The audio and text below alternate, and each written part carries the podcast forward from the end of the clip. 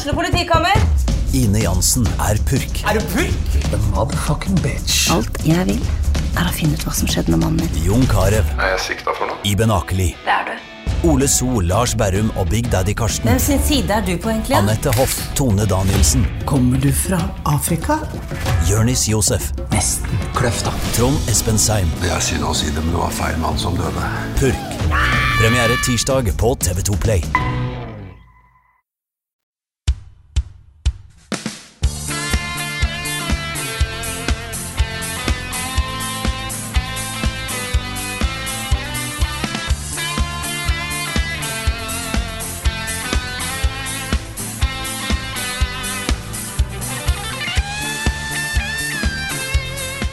Vinteren har aldri kommet fortere, men det går fint, for jeg sitter inne og spiser restene av halloween-snopet ungene ikke kommer og henter på døra mi. Dette her er Level Backup, utgitt av Modern... Nei, faen, da er outroen vår, da! Herregud! Oi, Da var det første gang! det har du aldri gjort før. Takk for i dag, folkens. Takk for at du hørte på. Vi sa vi skulle lage kort podkast. Ja, det dette var kanskje rekord. Dette er Level Backup med meg, Frida Danvå. Med meg i dag har jeg Karl Martin Hogsnes og Rune Fjell Olsen. Hallo, folkens. Hei, Frida. Hello. Det er litt rart. Spooky halloween-godis. Ja, ja, ja. De skremte dere der med, med en plutselig slutten på starten? Ja. Derfor, Jeg ble helt satt ut, jeg, akkurat og snakka om at det å spille podkast på kveldene er liksom er litt sli, mer sliten i hodet og sånt også. Der fikk vi jo et godt eksempel på det. Og det synes det var veldig, veldig morsomt. Ja, takk. Nei, var, den, den, kom, den kom brått på. Den kom uventa på, til og med på meg. Nei, men Hvordan går det med dere, folkens? Det går jo greit, da, men herregud, nå er vi slitne. Ja. Nå er vi slitne, oss. Det er, vi har har snakka om det noen, noen uker på rad nå, men uh, nå er vi på helt i sluttfasen av prosjektet vårt. Vi Ja, ikke, eh, ikke av livet, liksom, men av prosjektet. ja, av, av prosjektet, ja. Ja. Det føles, føles nesten litt sånn der, eh, at vi er på sluttfasen av andre ting også. ja. Forhåpentligvis er vi ikke det. Mm. Men, um, men nei, vi, vi har jo faktisk nå en, eh, en komplett versjon, ikke en ferdig versjon, Mm. men en fra start til slutt-versjon. Vi, vi er liksom Dette er det man i spillbransjen kaller en playable build. Ja, så vi har fem episoder. Hadde vi sluppet det i dag, så hadde folk Altså, det, det hadde vært greit. Mm. Folk hadde akseptert det. Folk ville ha kommentert det. Hvorfor er ikke den fargekoordinerte fargekoordinert eh, like Ikke sant. Det, det ville kommet noen sånne kommentarer. Men det er fem episoder som faktisk fungerer, og som er sammenhengende. Det har en start, og en midt og en slutt, og det er ikke noe feil med det, liksom. Nå er det bare polishen, vet du. Mm. Ja, det er polishen. Vi har sendt eh, da Det det er snakk om, er jo Kontroll Z. Som er eh, denne eh, dokumentarserien vi har lagd om eh, eh, toxic oppførsel i spill. Eh, og eh, dette har vi jobbet med gjennom året. Det har vært mye intervjuer, mye planlegging, mye reising. Og ikke minst nå da i sluttfasen sjukt mye klipping. Så er det litt gøy da, at vi jobber i et uh, bitte lite selskap hvor på en måte alle, alle er på dekk og Ja. gjør ting. Så vi har da klippet hver vår episode. Fem forskjellige folk har klippet hver sin episode. Eh, Med da Carl som overordna sånn klippesjef, på en måte. Klippesjef. Mm. Yes. Prosjektleder. Prosjektleder. Ja, er det mer kreativt ansvarlig eller Ja, noe sånt, kanskje? Jeg vet ikke. Oi. Det hørtes ut som Creative mye ansvar. jeg, jeg føler egentlig klippesjef er det som, det Ja, som passer best. Ja. Men uansett, det, det, det bærer nå med stormskritt mot lansering. Det er 13. Da er det også et lanseringsevent og en premierefest på Tilt her i Oslo. Hvor, uh, hvor det kommer folk fra, fra Kulturdepartementet, det kommer massevis av folk som uh, har vært involvert i serien, det kommer folk som mener masse om disse tingene, og som er opptatt av spill som kulturuttrykk generelt. Eh, det er også åpent for vanlig publikum, men ikke helt. Det er sånn at hvis, hvis det er noen av våre oppegående lyttere som har lyst til å komme på dette eventet, så har jeg fått lov til å gi beskjed eh, om at eh, dere kan sende meg en mail. Send meg en e-post, så skal jeg sørge for at, eh, at dere får eh, link til påmeldingsskjema og sånne ting. For det er, det er jo plass til en del i det rommet på Tilt. Men, Men det, det er blir ikke, det, er, fullt. det er ikke plass til noen av de ikke oppegående lytterne. Nei, men jeg har ikke lyst til å bare si liksom her er linken, og så kommer det uh, tusenvis av mennesker som bare registrerer seg og melder at de skal på event, og så blir, blir det full panikk, liksom. Ja, sånn, Så egentlig det er bare et grep for å ha litt oversikt over hvor mange som ønsker å komme. Ja, alle dere, det- våre kjære lyttere, er oppegående folk. Det, det, Ja, er ja, det, ja. det ja, er ja, ja. ja, ja jeg beklager. Det var ikke, jeg mente ikke, mente ikke noe med det.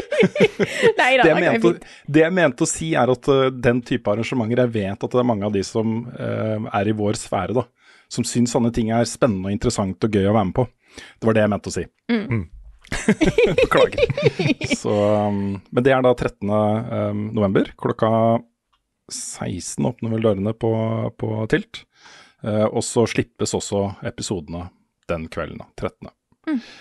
Så jeg er kjempespent. Jeg er kjempespent på hvordan folk tar det imot. Uh, jeg vil jo si at vår hensikt her er jo egentlig å, å ta litt tempen på denne diskusjonen. Også hva er problemstillingene, hva mener folk om det? Uh, hva kan man gjøre? Uh, hvordan påvirker det folk? Uh, er det noe uh, lys, lysning her, liksom? Uh, Mm. Lys i enden av tunnelen? Ja. Hva gjør spillbransjen? Det er um, mange veldig spennende spørsmål som, som det er viktig å ta tak i her. Mm. Jeg føler liksom Poenget med serien er at vi er utrolig glad i spill. Vi er glad i å spille sammen, vi er glad i å spille med andre. Og det er aspekter av det som vi vil at skal bli bedre, Mm. og som vi uh, føler at har forbedringspotensial Mm. for å gjøre spill så bra som vi vet at det er, da, på en måte. Absolutt. Og så har vi ikke minst blitt kjent med utrolig mye hyggelige mennesker uh, gjennom dette prosjektet her. Og det, det har på en måte vært litt sånn um, definerende for 2023 for min del i hvert fall. At uh, vi har møtt alle disse flotte folka og uh, vært sammen om noe som, som føles som viktig, da. eh, i, i, I våre liv og i andres liv. Og det er um, det er fint, da. Altså, jeg vil jo si da at det er en stor produksjon for en liten redaksjon. Eh, Og det har jo gått utover vår normale produksjon. Vi har måttet prioritere ganske hardt, i hvert fall nå i høst. Mm. Men jeg føler virkelig at det har vært verdt det. Eh, Veldig, det å ha denne serien, disse fem episodene, er noe vi Det blir sånn en sukkerbit vi kan tygge på i mange år framover. Sutte på. så, eh, så dette her uh, syns jeg er bra. Bra greier. Og for de som er interessert i å se eh, serien når den kommer ut, så vil jo den komme på flere eh, plattformer, men òg inkludert vår egen YouTube-kanal. Ja, det hadde tatt seg ut. Om den ikke skulle komme der, da, da måtte det vært type sånn NRK eller TV 2, eller det måtte vært noe sant. Da, da kunne vi kanskje ha gått med på en sånn type distribusjon. Men vi skal bare eh, informere folk, da, for alt, i ja. tilfelle folk lurte. Ja, Den kom på vår uh, YouTube-kanal. Den kommer uh, på gamer.no. Det blir lagd en egen sånn landingsside for det hos Medietilsynet. Som også vil inneholde mye annet om temaet. Ikke bare nå, men det er på en måte startskuddet for eh, en ganske stor kampanje fra Medietilsynet, dette her. Eh, Og ikke minst så skal vi også sende alle disse episodene til lokalaviser over hele Norge da, via dette samarbeidet vårt med Polaris. Så håper på masse spredning. Og det er det noe du kan gjøre, da, du som hører på og er oppegående, så, så er det å dele den, rett og slett. Bare del den i feeden din, og uh, sørg for at uh, den blir spredd. Fordi uh, jo flere som deltar i denne samtalen her, jo bedre er det.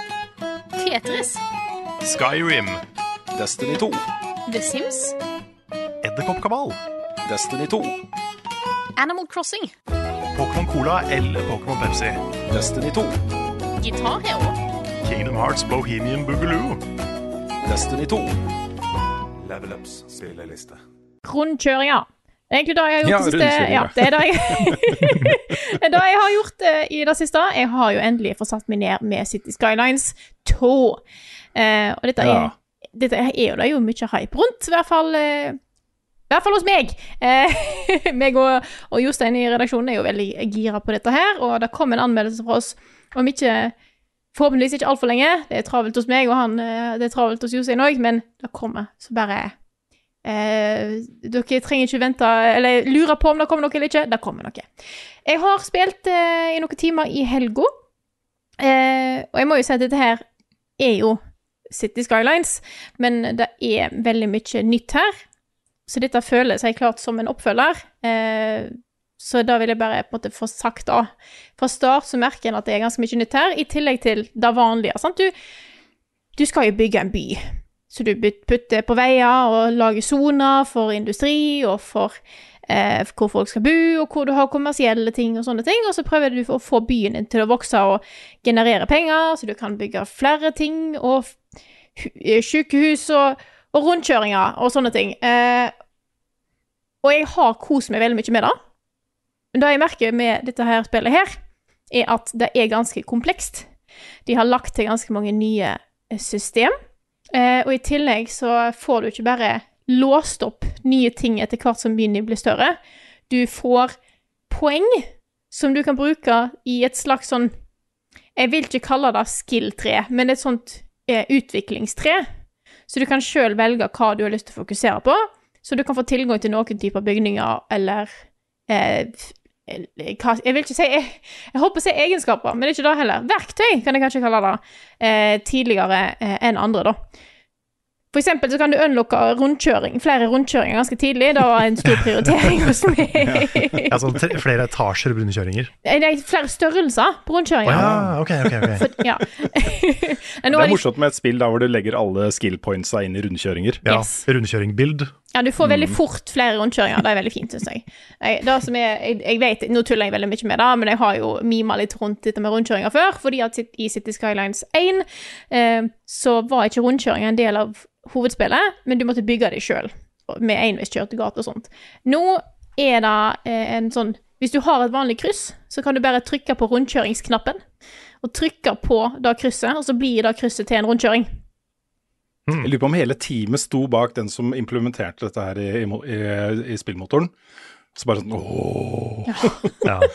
De, har sikkert, de har sikkert sett anmeldelsen din og så bare ja, shit, vi må, vi må power up rundkjøringen rundkjøringene. Mm. Absolutt. Det er helt, eh, helt klart at eh, de har det. Så eh, det er lettere å bygge rundkjøringer. Det er fortsatt litt sånn ut fordi at du må da utvide veien, og så plutselig ja, det var det et hus i veien, så kan kan ikke utvide rundkjøringen her. Og jeg sier at fuck det huset. Kom, kom med, kom med eh, brøytebilen, holdt jeg på å si. Få en vekk av huset, så jeg kan bygge rundkjøring. Nei, Så du er, eh, du er bad guyene fra Up? du er de som kommer, og, du er de som kommer og tar huset til han gamle mannen. Ja, ja. Eller fra Moss. Der er det jo sånn kjempegreier nå, fordi de skulle, skulle lage ny jernbane. Ja. Så de reiv et helt kvartal. Masse hus Wow. Eh, som de tvangsflytta. ja, ja. Og så er det ikke sikkert jernbanen blir der allikevel. Fordi de fant noe kvikkleire og noe greier. Å nei. ja, Det er helt kaos. kan det bare skje at de bare bestemmer seg for å rive huset ditt? Ja, i Norge så kan det faktisk det. Ja. Um, staten har, uh, har en uh, hjemmel til å Dersom det er av nasjonens interesse, eller jeg husker ikke formuleringa, men det, er lignende saker som har vært her i Oslo og andre steder i, i Norge. Da. Hmm. Så um, Også et sentralt poeng i en sesong av um, Better Call Saul, for de som husker den. mm. Nei, men jeg, jeg kan si at jeg eh, koser meg mye med det, men jeg merker at det er litt komplekst. Så det er liksom Det, er en, eh, det begynner å bli en stund siden jeg har spilt City Skylines. Så det er en sånn avveining. Er det jeg som er litt rusten, eller er det veldig mye som er nytt å sette seg inn i? Så jeg, jeg gleder meg til å få det litt mer i fingrene, få en litt mer følelse av hva dette spillet er, og hvordan de nye mekanikkene og sånt funker. Uh, jeg har noen gang prøvd å lage bussrute, og det er ingen som tar bussen. Eh, så jeg vet ikke om det er jeg som er bare er verre på å lage bussrute enn insert eh, lokal bussruteoperatør her. Eh, for jeg Ja, føler at det, eh, det, hva er prisen på månedskortet? Nei, da, eh, da vet jeg ikke. Jeg, jeg kan sette opp hva det koster per billett. Hva var det der sto, da? For du kan detaljstyre enormt her. Hvis du er dritgira på, at, på å liksom ha full kontroll på alt rundt trafikken, så kan du nå da. Du kan sette ned individuelle lyskryss og stoppskilt, eh, og ikke sving inn her-type skilt. Sånn at hvis du, hvis du liker denne type ting, så har du så mye å ta tak i.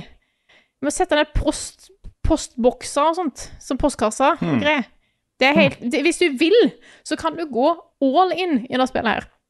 Eh, og jeg kan jo bare ta opp, siden dette ble en, eh, en ting som blir snakket om en del, i hvert fall da det kom ut. Eh, das, jeg har ikke opplevd at det sliter altfor mye med performance så lenge jeg skrudde ned et par ting. Når jeg starta det opp og prøvde liksom å bevege meg rundt, så var det et sånn derre Oh boy, eh, motion blur-helvete. Mm. Sånn at alt bare liksom blir litt smudga ut, for plutselig så hakker det litt akkurat i det du prøvde å bevege deg, og da ble alt bare sånn dratt ut. Eh, og jeg har jo et eh, 2080 Ti-kort, det er jo ikke helt krise, eh, men jeg merker at han sleit litt iblant. Men jeg skrudde ned jeg Skrudde av motion blur, eh, og skrudde ned eh, måte overall graphics bitte litt, så kom det seg veldig. Eh, byen min er ikke altfor stor ennå. Eh, Jeg er vel på rundt Den byen jeg er på nå, er på rundt 10 000 innbyggere, og det går fortsatt ganske greit. Men eh, jeg vet om folk som er oppe i flere titalls eh, innbyggere, og da er jeg spent på hvordan det går etter hvert med min, med min PC, da. Men eh, jeg vil si det faktisk går eh, bedre enn jeg hadde frykta. Nå er ikke jeg en som trenger nødvendigvis alltid å ha 60 FPS, eh, men jeg vil si at han kjører ganske stabilt på rundt 30 nå, så jeg har det ikke altfor gale. For de som frykter det, da, og ikke har tidenes high-end PC akkurat nå. For det er jo svindyrt. Det er sant. Jepp. Nei, så jeg må si at eh, dette Jeg, jeg koser meg veldig. Eh, jeg satt i mange timer i strek på søndag. Eh, og det er veldig kjekt å gå tilbake til dette, til dette spillet, spesielt når jeg har vært vekke fra City Skylines eh, i noen år nå. Eh, jeg får se om jeg får til en liten eh, stream. Da tror jeg det hadde vært veldig gøy. Bare fortsette litt på, på byen min. Eh, men jeg gleder meg til å teste litt mer òg nå, altså. Det er, det er helt klart noen av systemene jeg ikke helt har fått taket på. Det kan òg være at jeg bare aldri var spesielt god i City Skylines. Jeg har ikke helt Byen min har ikke helt kommet til det punktet der jeg føler jeg har helt kontroll på disse økonomiske greiene. Eh, jeg, jeg føler at som regel så går byen min litt i underskudd, men så kommer jeg ovenpå hver gang jeg får på en måte oppgradert byen til neste nivå, for da får du bare liksom kasta penger på deg. Uh, så det er et eller annet jeg ikke helt har skjønt der, tror jeg. Også Det er sånn det noe- er i Civilization. Det er Ja, liksom, ok, nå peker alle tallene oppover, det er bra. Og så går det to runder, og sånn, nå peker det nedover, jeg vet ikke hvorfor. Men hvis vi sier sånn, kanskje det går oppover igjen, så går det oppover igjen, og så det er sånn halvveis, jeg vet hva jeg gjør. Ja, det er denne strategibiten. Eh, jeg merker jo òg at du får jo sånne søyler som sier på en måte hva byen din trenger av ulike ting, enten det er liksom om du trenger boliger til folk, om du trenger mer kommersielle ting, eller om du trenger industri. Hvordan de funker, er jeg litt usikker på. For av og til så sier de at du trenger så jæklig mye leilighetsblokker. Og så setter jeg ned én leilighetsblokk og var sånn Nei, nå trenger vi ikke flere. Det var det. I en gigantisk by så er det sånn Det var den ene blokka. Folk har stått og skreket etter den, og så jeg føler jeg at det er, det er et eller annet Jeg kan huske at det var problem med sånn type demand som det i det forrige spillet òg. Hvis det var et eller annet du hadde putta ned for mye av én ting, så bare kollapsa måten det ble beregna på. Eh, det føles litt bedre her, men jeg, eh, jeg har ikke helt fått taket på den ennå. Så det er litt eh, Jeg har ikke helt skjønt hva byen min trenger alltid hva jeg må gjøre for at, han skal, for at flere har lyst til å bo i leiligheter. Jeg har ikke plass til flere eneboliger. Jeg har så sinnssykt mange eneboliger. Jeg vil at alle skal bare bo i blokk. Ja, hvis du bare river alle eneboligene, og så bygger du én svær blokk. Men Ja. nå skal dere bo der. Ja. ja, nei, det er dessverre ikke helt sånn det funker. De blir Nei. litt misfornøyde, da. Ok. Ja. Så jeg må Men det, jeg syns det er et bedre system nå, for hvis jeg Nå klarer jeg mer å få oversikt over hva det er egentlig som påvirker denne typen demand. For du ser at ok, pga. at jeg har litt høye skatter, for at jeg er nødt til å få penger inn i byen min, så vil de helst ikke bo der, og så da vil ikke det industrien komme, eller Ja. Sånn at du har litt mer oversikt, syns jeg. Så det er en del quality of life-ting her. Helt klart. Så uh, gleder meg til å spille mer City Skylines 2. Uh, jeg, jeg tror jeg fortsatt har en del å En del å forstå, og en del å, å uh, finne ut av. Men eh, så langt eh, liker jeg det veldig godt. Er det ikke gøy når ting man gleder seg til, innfrir, Ja, Frida? det er det. Ja. Det er det. Ja, det hadde vært kult å sette deg streame det her, altså. Det er bare Mm. få en liten innføring i City Skylines. Jeg har så vidt begynt på det første, mm. eh, men jeg hadde ikke nok tid til å sette meg ned og lære det. Nei, det er jo litt sånn spill, dette her, og det er jo ganske uvanlig for meg, egentlig, å hoppe inn i denne typen, la oss kalle det strategispill. Eh, eh, Civilization og sånt har aldri vært helt min ting, men jeg føler også med City Skyline så kan jeg være mer kreativ enn at jeg skal ha et mål, og jeg skal Mm. vinne, og jeg skal bli best. Jeg skal bare, jeg skal bare lage en by, jeg, som fungerer. Eh, og så blir den litt større og større, og så plutselig bestemmer jeg meg for at nå skal jeg bygge ut en ei, gruve som driver og henter ut mineraler. Eller her skal jeg sette ned en gård med høner. Det er mye mer eh, det, Jeg føler at Sånne ting har jeg gjort nå. Kunne ha gjort Mm. nå i, i, i City Skylines 2. Så det er egentlig fint. Det er en litt sånn avslappende bygge ting som er litt mer komplekst enn bare sånn Dorf Romantic, liksom. Men uh, det er den kreative biten i tillegg som, uh, som jeg tror er det som fanger meg her. Mm. Det Sim City-spillet, på en måte, som jeg har hatt det mest gøy med, det er barneversjonen av Sim City da jeg var liten. Uh, Sim Ja. Town. For det var sånn fargerikt og koselig, og så var det sånn du kunne bygge forskjellige restauranter som så ut som sånne morsomme ting, og så kunne du gi folk navn og se hvordan det gikk med de, og det var eh, Det, det, det var mye mer for barn, men det var litt gøy òg. Det var liksom 100% den kreative biten, uten så mye av det som er komplisert, da. Ja, uten alle disse mekanikkene. Ja, det er da jeg mm. på en måte er litt Akkurat nå så er jeg mellom den biten at jeg føler at jeg har ikke helt forstått alt ennå. Eh, og jeg håper jeg kommer til å forstå mer etter hvert, sånn at det ikke blir sånn at det er for komplekst. Uh, men jeg tror at hvis du Hvis du har lyst til å detaljstyre ting, så kan du gjøre det nå. På en veldig god, enkel måte. Uh, jeg er litt usikker på om det er helt for meg. Jeg kan ikke noe om trafikk til å sette opp det. Men jeg husker Jeg har sett Jeg har lest artikler, eller liksom innlegg da, fra folk som kan dette med trafikkflyt, og forteller liksom hvordan en skal egentlig sette opp trafikksystem i blant annet originalspillet. Og det er sånn Holy shit, det her, er så, det her, kan, du, her kan du gå all in. Og da har du enda mer verktøy til å gjøre noe, da.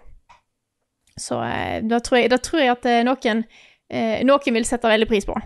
Jeg bare gleder meg til jeg kommer til det punktet der som, jeg føler, som jeg husker kom i forrige spillet. Byen blir stor nok til at det bare er trafikkaos. Eh, så jeg er litt spent på når jeg kommer der, og hvor enkelt det er å løse sånne ting. Eh, det vil være litt eh, viktig, syns jeg. Men da er meg. Da, eh, Kult. da gir jeg ordet videre til Rune. Ja, jeg kan jo begynne med å si da at akkurat mens vi sitter her, så sitter uh, PlayStation 5-en min, som er rett ved siden her, og uh, jobber med 100 gigabyte med Call of Duty Modern Warfare 3. Oi. Oi, oi, oi. Det er jo sånn early access eh, Det er jo nå, da, torsdag kveld. Eh, de som har forhåndskjøpt og sånn, kan begynne å spille campaignen.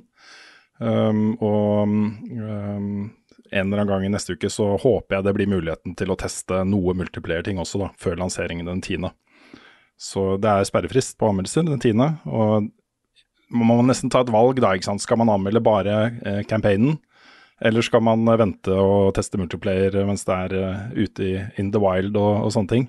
Så, så det må man nesten bare se gjennom neste uke, da. Men det er på vei. Men det jeg har spilt, eh, og som eh, jeg jeg blåste meg fullstendig av eh, Blåste av skjorta mi, eh, et eller annet uttrykk. For noe som er ja, et, eller annet- et uttrykk for noe som er veldig sånn mind-blowing. Ja. Alan Wake 2. ja, det er bra.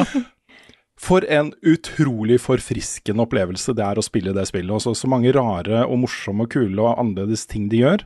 Og vi fikk jo mange hint om det. Al- Altså, de har alltid vært sånn. Eh, Max Payne-spillene også var jo litt sånn. At man, eh, de la inn ting i spillene som man ikke forventet skulle være der. Eh, og så er det et eller annet med den derre selvsikkerheten da, som kommer fra et spill som Control, hvor de prøvde på masse greier som mange mente funka, da. Inkludert meg selv. Eh, og så da eh, spille det som egentlig Jeg vil jo si det er jo egentlig et horrorspill. Um, et eh, et um, veldig sånn historiefokusert, ikke så mye mekanikker og den type ting. Horrorspill med jump scares, Carl. Ja, det var det jeg var redd for. Ja. Som, som bare ikke ser ut som noe annet jeg har spilt. Også du har elementer her, selvfølgelig, som altså, Vi er i survival horror-sjangeren. Det er jo litt sånn Resident Evil-ish på, på gameplay og sånne ting. Men uh, det presenteres på samme måte.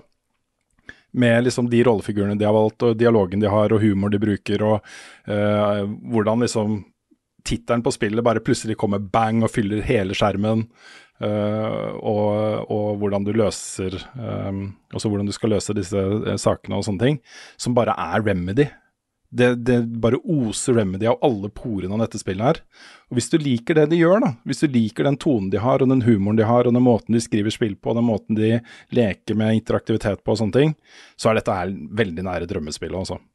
Um, opptakten er jo at du, uh, du styrer jo en FBI-agent som sammen med Sam Lake Han er jo ikke Sam Lake i spillet, men det er jo Sam Lake som har uh, lånt utseendet sitt, og han er jo også eh, spillets manusforfatter og regissør. Det er litt sånn Hitchcock-greier over det der, at han bare legger seg selv inn i spillene. Han er jo Max Payne også, ikke sant. Eh, som kommer da til denne lille byen, og det er et eh, bestialsk drap som har linker til bestialske drap fra 13 år siden. Og så blir det da en sånn historie som blander på en måte Stephen King-skrekk med sånn True Detective, eh, Silence of the Lambs-følelse, da. Hvor du går rundt og er en FBI-agent, du er på åsteder, du finner spor, du setter det opp på en vegg som er inne i sånn Mind Palace eh, til hun sjefsetterforskeren. Hvor hun bare plasserer ting på veggen og lages en rød tråd mellom de, og det kommer opp informasjon, og så kan du gå videre, og så kan du, kan du drive med profiling. Litt sånn derre um, nesten litt sånn overnaturlig profiling. At hun tar liksom de hintene hun har fått, og så settes det sammen et bilde. Hun er inne i denne mind palacen sin. og Så hører hun eh, offeret f.eks. snakke til henne, ikke sant? komme med sånne små eh, hint og ting som eh, hun, hun drar konklusjoner av, av eh, det hun har opplevd og sett. da. Det er dritskummelt. Det er ehm, veldig rart og annerledes, og det er bare bra. Jeg ser noen snakker om at de er litt skuffet over at det er sånn walking simulator-takter over det. At det ikke er så mye sånn action, action, action-opplevelse hele tiden. Men jeg elsker den biten der. Jeg syns det er en utrolig kul måte å fortelle denne historien på. Og så vet jeg ikke da hvor eh, nødvendig det er å kunne masse om Alan Wake 1. Jeg husker den veldig lite fra det. Jeg har bare sånne minner fra han forfatteren som flyr rundt da, med lommelykta si i mørket, og det skjer skumle ting. Um, og konseptuelt så er det jo litt i samme gate. Dette er jo på en måte ord fra en bok eh, som på en måte kommer til live. De finner jo eh, sånne sider fra et manuskript som beskriver det de gjør akkurat der og da, og det de akkurat har gjort, og ting som kommer til å skje og sånne ting. Eh, så de, eh, disse manuskriptsidene, da, eh, de beskriver opplevelsen. Eh, og det har jo disse to spillene til felles. Men eh, jeg vet ikke Det føles ikke som om man må ha spilt det første eller huske det første godt for å spille dette her. Jeg har mye igjen av spillet. Jeg vet ikke hvor lang tid det tar for meg å komme gjennom det, men eh, dette her har potensial til å komme sjukt høyt på min toppliste for i år. Det kan jeg, såpass kan jeg si. Mm. Ja, det er den spooky biten. ja det er den spooky biten. Altså. Det er sånn, jeg er skikkelig nysgjerrig på det, for jeg, jeg digga Control, og jeg syns det, ser- det ser veldig spennende ut. Men, Du kan eh, streame det, Carl, og så kan na, du ha liksom støttekontakter eh, til stede. jeg er litt inne på tanken om å se en, se en playthrough av det. Ja. Mm, Bare for å få med meg storyen, liksom. ja. Det er det jeg pleier å gjøre med sånne spooky spill. Ja, det er mulig jeg gjør det, altså. Mm. Nei, jeg er veldig, veldig happy med det så langt. Også. Jeg syns dette er kjempegøy. Det er, eh, det er et eller annet Det jeg setter mest pris på, tror jeg, det er den bruken av humor. Fordi den er så spesifikk, den er så spissa, den er så remedy. Mm. Uh, det er mulig at noen vil arrestere meg og si at den er finsk, Rune. men, eh, men det føles som noe veldig sånn unikt, da. Ved dette selskapet. At de har den humoren de har, og at de bruker det på den måten de gjør i spill. Eh, Og ting kan være skummelt og spennende og engasjerende og, og fælt, samtidig som det er morsomt. Det setter jeg veldig stor pris på. Ok, og så har jeg også spilt et annet spill som kan eh, fort havne høyt på min topp 10-liste for i år. Og det var en sånn spill som eh, kom til meg gjennom sosiale medier. Og bare så festlig ut, og så prøvde jeg det selv, og så ble jeg sånn Hot damn, altså, det her er insane smart. Dette er et spill som heter Incredibox. Jeg, tipper, jeg prøvde å tipse liksom resten av redaksjonen, jeg fikk null respons. Det er for mange spill, for mange spill nå. Dette her er et spill uh, som, um, hvor du ser liksom en serie med uh, figurer, alle er helt like. Uh, og så på bånn av skjermen så har du noen ikoner, og de ikonene representerer uh, beatbox-loops. Hvor eh, også du bruker munnen til å lage lyder og rytmer og, og eh, sang og alt mulig rart. Og så skal du sette sammen låter ved hjelp av de loopsa. Og For det første så er de låtene dritfengende, altså de er kjempekule. Men for det andre, den opplevelsen da, av å sitte og liksom eksperimentere med loops på den måten, er et eller annet med det som er litt sånn magisk. Det føles nesten litt magisk å se disse låtene komme til live. Og egentlig den morsomste du du har en slags sånn spillfunksjon her, hvor det er en riktig kombinasjon av loops som gir deg tilgang til en liten musikkvideo, hvor du får se en litt mer sånn regissert, regissert versjon av låta, uh, i tre nivåer. da. Men det, det som er den morsomste i dette spillet, det er rett og slett bare ta den derre grå øhm, uh, tingen, som ikke er en egen låt, hvor du bare legger på loops og ser hva du får av det, liksom. Så hvis du går på nettet nå, da, på YouTube f.eks., så ligger det jo massevis av videoer med folk som har laget sine egne låter ved hjelp av disse loopene i dette spillet her, da. Det er kjempekult. Det er dritkult. Så anbefaler alle å teste det. Det koster 40 kroner på Steam, liksom. Um, eller noe sånt. 40 låter eller et eller annet. Det er på mobiltelefoner og uh, funker så det griner. Det er kjempestilig spill, altså. Så anbefales. Og så har jeg begynt på EA Sports WRC, som er det nye offisielle rallyspillet til, uh, til EA. Uh, det er jo da egentlig Codemasters. De kjøpte jo opp Codemasters. så dette er jo teamet som har stått bak Dirt Rally-serien, som er kjempegod. Uh, og jeg vil jo nå, altså Jeg var veldig glad i disse WRC-spillene som kom til PlayStation 2 uh, fra Evolution Studios, hvor de hadde den offisielle lisensen. Det var på samme tid som, uh, som vi hadde en rallyfører i verdenstoppen. Han vant jo rally-VM, liksom. Petter Solberg. så, så, alt rundt rally var liksom en sånn stor, stor, greie i Norge da. Og så fikk du et av de beste bilspillstudiene i verden til å lage det offisielle spillet, og den kombinasjonen var jo dritkul. Så, så, her har du igjen da, et skikkelig, skikkelig, skikkelig bra team med den offisielle lisensen. Uh, og det det er snakk om her, er jo sånn punkt-til-punkt-rally, ikke runder. Men du kjører liksom starter et sted, og så skal du kjøre i x antall kilometer, og så er du i mål. Og Så får du en tid, og så kjører du neste eh, etappe. Enten senere samme dag eller dagen etter eller et eller annet. Og så er det totaltiden da, på alle disse etappene i da f.eks. Mexico eller hvor det skal være, som avgjør hvem som vinner. Um, Førsteinntrykket er ikke sånn superbra av det spillet. Det er mye sånne rare ansikter på disse um, rallyførerne du skal liksom lage i starten og sånne ting. Uh, du kommer litt sånn brått inn i racet. Det bygges ikke opp på noen skikkelig kul måte og sånne ting. Men uh, uh, kjøreopplevelsen er god. Og jeg har uh, inntrykk av at det er veldig, veldig mye innhold her. Det er mye vei som du skal kjøre på, og stor forskjell på de forskjellige landene du skal kjøre i. så, så um, jeg har jeg, jeg, tror dette her er et bra rallyspill. Jeg kjenner det ikke godt nok ennå til å gi noen dom. Men uh, førsteinntrykket er liksom på innpakning ikke så bra, men på kjøreopplevelsen ganske bra. Mm. Så skal jeg spille mer, og så se om jeg uh, mener noe annet etter hvert, da. Men det var gøy i hvert fall, å sette seg inn i en bil. Det som er gøy med rally, er at disse veiene er så innmari trange, og det er så innmari farlig å kjøre på de veiene. Det er liksom stup på ene siden og trær på andre siden, og det er plutselig så kommer det en kjempekrapp sving og, og sånne ting. Og så går det jo jækla fort, da. Du kjører veldig fort. Så den racing- og fartsfølelsen og eh, følelsen av å være i livsfare hele tiden, er liksom det som preger uh, disse rallyspillene for meg. da, og Det, det syns jeg er kjempegøy også. Jeg nevner også at min sjåfør heter da Dr. Deng, og som uh, co-pilot, også som kartleser ved siden av meg, har jeg frø frøken Pryl. Oi, oi, oi. Nydelig. Mm. All right, skal jeg ta over? Yes. Mm -hmm. uh, nei, jeg har jo sittet mest og jobba med disse episodene våre siste uka. Men, vært litt jobb med det? Vært litt jobb med det, altså. Mm. Men, eh, men, den tida jeg ikke har brukt på det, uh, har jeg brukt på 100% Spiderman 2. Mm. Nice. Wow. Det er et bra spill. Mm. Det, er et, eh, det, er kanskje det beste superheltspillet jeg har spilt noen gang. Likte du det bedre enn uh, Spiderman 1 og Miles Morales også?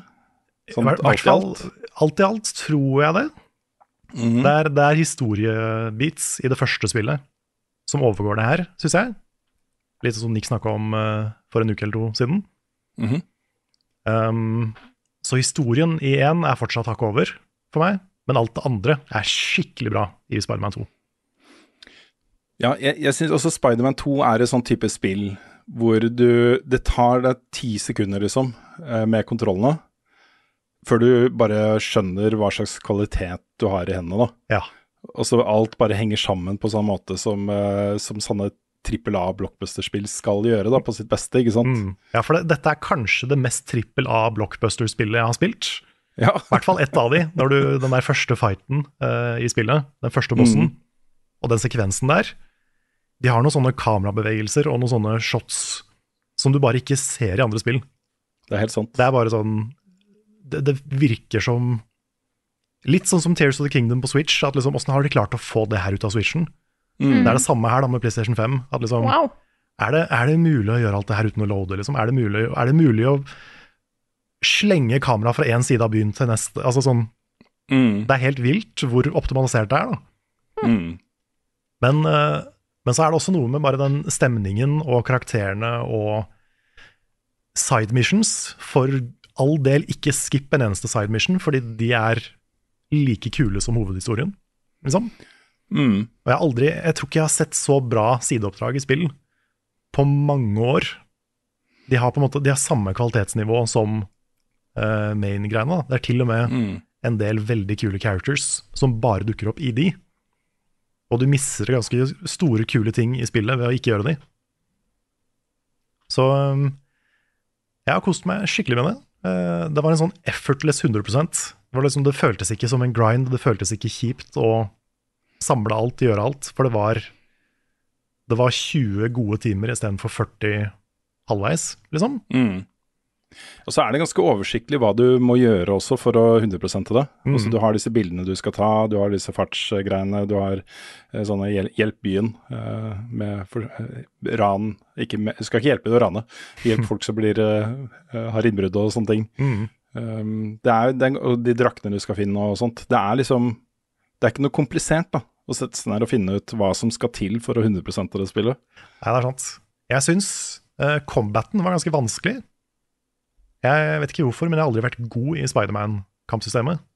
Så jeg dør ganske mye. Så jeg satte det faktisk ned på ned av vanskelighetsgrad etter hvert. Mm. Bare for å ha det litt mer smooth. Men, uh, Mm. men det, var, det var skikkelig bra, altså. Det var bare sånn jevnt over god kvalitetsopplevelse med masse kule overraskelser, ting og tang. Ting jeg ikke forventa å se i det spillet her.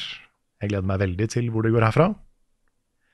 Og jeg syns også det er noe kult med at de Litt sånn som eh, no, no Way Home gjorde.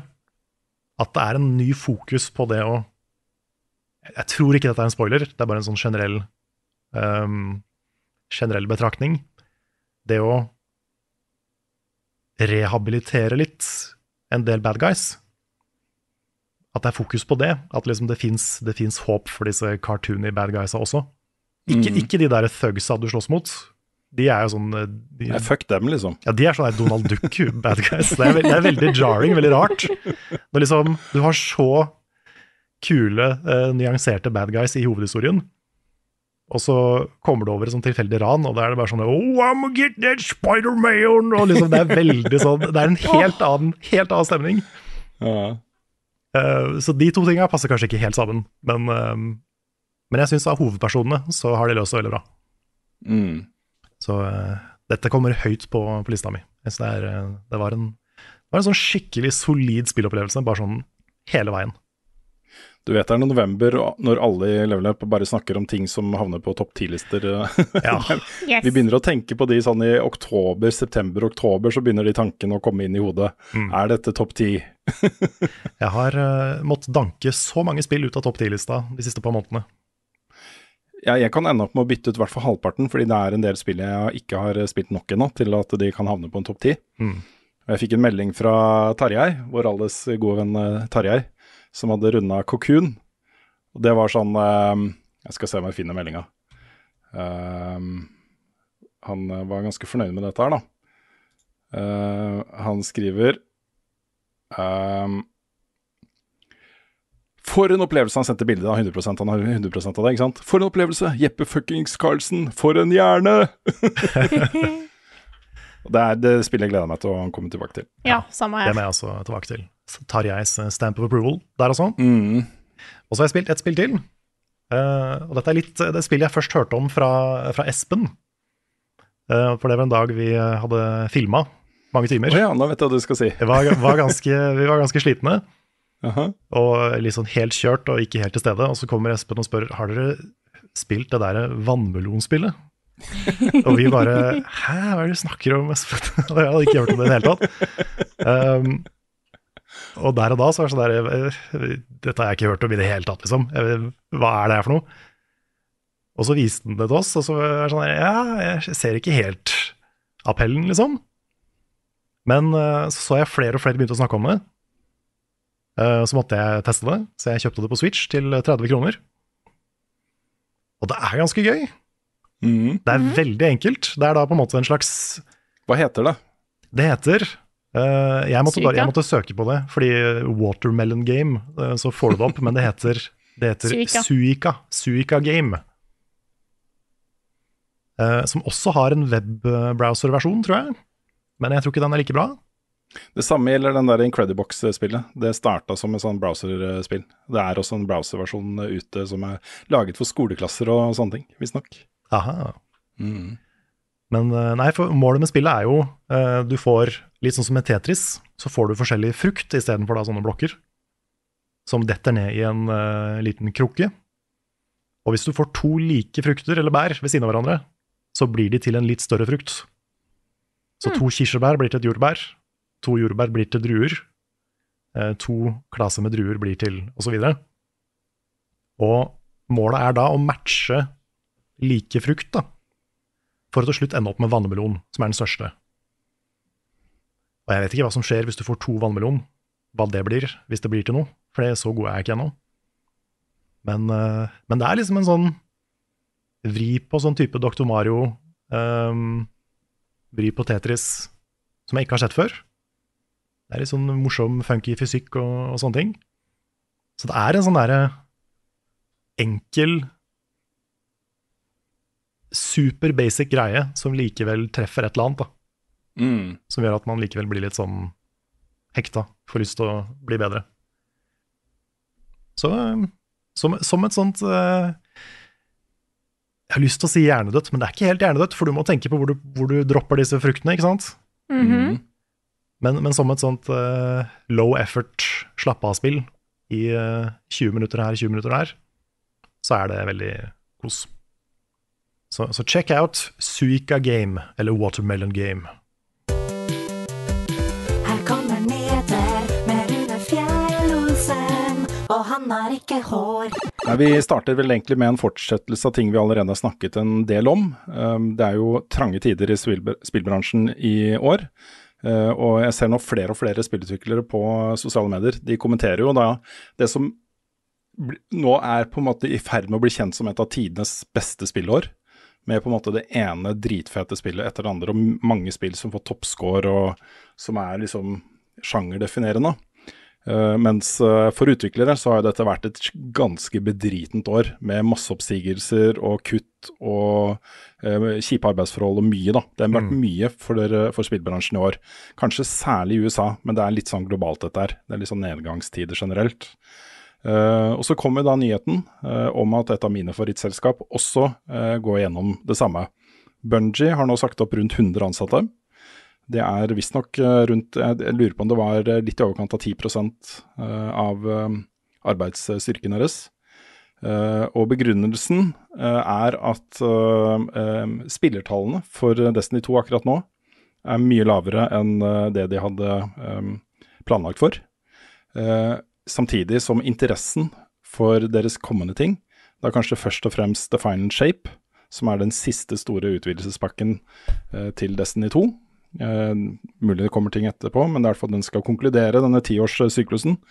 Eh, at den er laber. Lave forhåndssalg eh, og lite buzz. Um, og til en viss grad så blir det liksom sagt at det også eh, gjelder Marathon, deres neste store spill.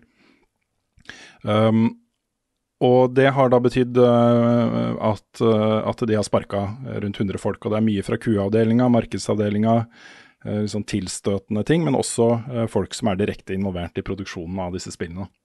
Um, The Final Shape er visstnok da utsatt til juni. Det skulle komme i februar. Eh, og det er ganske kjipe tider der. Jeg så uh, en tidligere community manager i Bungie, som Nå husker jeg ikke hva han egentlig heter, men nicket hans er DMG. Damage, eh, som nå er community manager for Valorant, eh, var ute på Twitter og var ganske forbanna, egentlig, på situasjonen. Han, eh, han skriver jo at dette er pga. poor management. At dette er dårlig ledelse som har ført Bunji dit. Mm. og det er nok en sånn ting som jeg tror kan gå igjen i mange av disse selskapene. Fordi mange av de som kutter mye, har fortsatt ganske solide overskudd. Dette er mye sånn derre for aksjeeiernes del, for, eh, eh, for eh, eh, hva skal man si, at kurvene skal peke oppover og ikke nedover sin del. At man må spare før det er for sent å spare. At det er liksom en forberedelse på dårlige tider. da.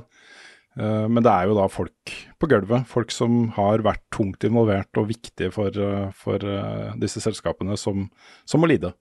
Eh, Ikke de på toppen. Så, så det er ganske trist, rett og slett. Eh, Jeg føler meg litt truffet også. Jeg har jo ikke rørt Destiny 2 på månedsvis. Eh, Jeg ofrer The Final Shape knapt en tanke. Men jeg gleder meg til maraton, eh, Og for så vidt, jeg, ja, The Final Shape skal jo spilles og disse tingene, men, men dette kom litt sånn ut av, ut av det blå for meg også. Og er det jo, De er jo ikke det eneste selskapet dette gjelder, dette gjelder jo jevnt over. Det er utrolig mange selskaper som har sparka utrolig mange mennesker nå. Uh, og Det kom en undersøkelse uh, fra noe som heter Convoy, som uh, ja, Jeg husker ikke helt hva de gjør, men det blir de, de jobber med tall. De hadde en sånn graf hvor man så at før covid så var investering i amerikansk spillbransje på et visst nivå. liksom. Du så disse søylene eh, si så og så mye penger. Og så kom covid, og plutselig så ble spill viktig for mange flere mennesker. Altså det ble en, et medie som, eh, som eh, økte i anseelse, i bruk, i eh, fremtidsutsikter og alle disse tingene. Så da satt investeringskronene mye løsere. Altså investeringene i amerikansk spillindustri ble mangedobla over to-tre år. Um, og hvert år var liksom mye mer investeringer i spillbransjen enn det hadde vært før. Nå er de søylene tilbake liksom under det nivået det var på før covid. Så, så det er på en måte Alt henger litt sammen her. Uh, investeringsviljen går ned. Uh, uh, kronekursen eller dollarkursen er eh, problematisk. Det er inflasjon, prisstigning osv. osv. Uh, mye press da, som gjør at, eh, at eh, toppledelsen i disse selskapene tar beslutninger for å spare penger. Og Mye av det er bare som jeg sa, liksom, de forbereder seg på dårligere tider. De vil eh, gå inn i nedgangstider litt bedre rusta, da. Men det oppleves som grovt urettferdig for, for alle de som blir faktisk ramma av det. Så det er, trist, det er trist. Det legger en litt sånn kjipt skjær over året, syns jeg. At Mm. uh, dette er situasjonen til så mange av de som har lagd disse spillene vi er glad i. Mm. Ja, det er, eh, det er rart når spillkvaliteten uh, bare går oppover, så går forholdene bare nedover. Ja. Mm. Jeg ser det er mange som kommenterer i forbindelse med Bungie, at, uh, at da Sony kjøpte opp Bungie, så ble det jo spesifikt kommentert at oppkjøpet ikke ville bety oppsigelser hos de ansatte i Bungie. De skulle få lov til å drive videre som seg selv. Og Der har jo da ledelsen vært ute øh, og også sagt en del litt sånn tonedøve ting. Eh, Men de har også understreket at eh, disse nedskjærelsene ikke har noe med Sony å gjøre. Da. Dette er Bungie selv som har eh, besluttet å gjøre disse grepene. Så jepp. Um, videre til en eh, annen ikke så hyggelig sak, og kanskje også litt, til, og med litt vanskelig å snakke om. Men uh, det er nå sånn at eh, israelske myndigheter via da eh, Ministry of Foreign Affairs, altså utenriks, utenriks, de, de, Utenriksdepartementet i Israel, de har nå en, en annonsekampanje rundt omkring for å reklamere da for sin sak i denne krigen med Palestina og konflikten som er der nede. Eh, og disse annonsene har også blitt vist i spill for barn. Du har da eh, barn helt ned i seks år som har spilt Angry Birds, og fått da en eh, pro-israelsk annonse i trynet, hvor eh, det blir beskrevet da, som, eh, som at den inneholder eh, eh, bilder av, eh, av, eh, av folk fra Hamas. Angrep med raketter og eksplosjoner og sånne ting. Eh, livredde israelske familier. eh, eksplosjoner. Uh, masse sånn footage med blurra bilder, liksom, så man vet her skjer det fæle ting som man ikke kan vise fram. Uh, og da beskjeden til slutt We will make sure that those who harm us pay a heavy price. Dette er da en kampanje fra israelske myndigheter i Angry Birds, folkens. Ja, det er krigspropaganda i Angry Birds. Ja. Det hadde jeg ikke forventa å se. Nei, det, det, dette her eh, er liksom Jeg skjønner godt at Rovio fjerna disse annonsene, og det er jo en del andre spill også, som åpenbart har et liksom hovedsakelig eh, barnevennlig eh, preg, da, som, som disse eh, annonsene har gått i. Dette er nok et resultat av at de har gått inn i et sånn der automatisk annonsesystem som bare har plassert disse annonsene rundt omkring. da. Uh, myndighetene i Israel sier at uh, disse annonsene kun skulle bli vist til de over 18. At det var på en måte en del av instruksene. Men, uh, men ja, jeg vet Jeg hadde blitt ganske forbanna selv som 50 år om jeg hadde fått den annonsen her mens jeg spilte et av mine spill, må jeg si. Mm. Det er jo mange som har uh, kommentert også uh, at vi, altså vi snakket jo så mye om Ukraina og da Russland invaderte Ukraina, og vi var veldig tydelige på vårt ståsted i dette her også.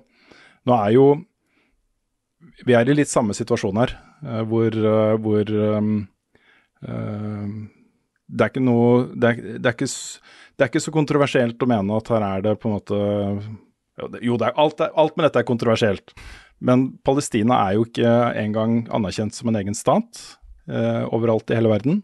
Du har enkeltstater som anerkjenner det som en egen stat, og som anerkjenner flagget deres og sånne ting. Men det er ikke noe FN-resolusjon på at Palestina er en egen stat, f.eks.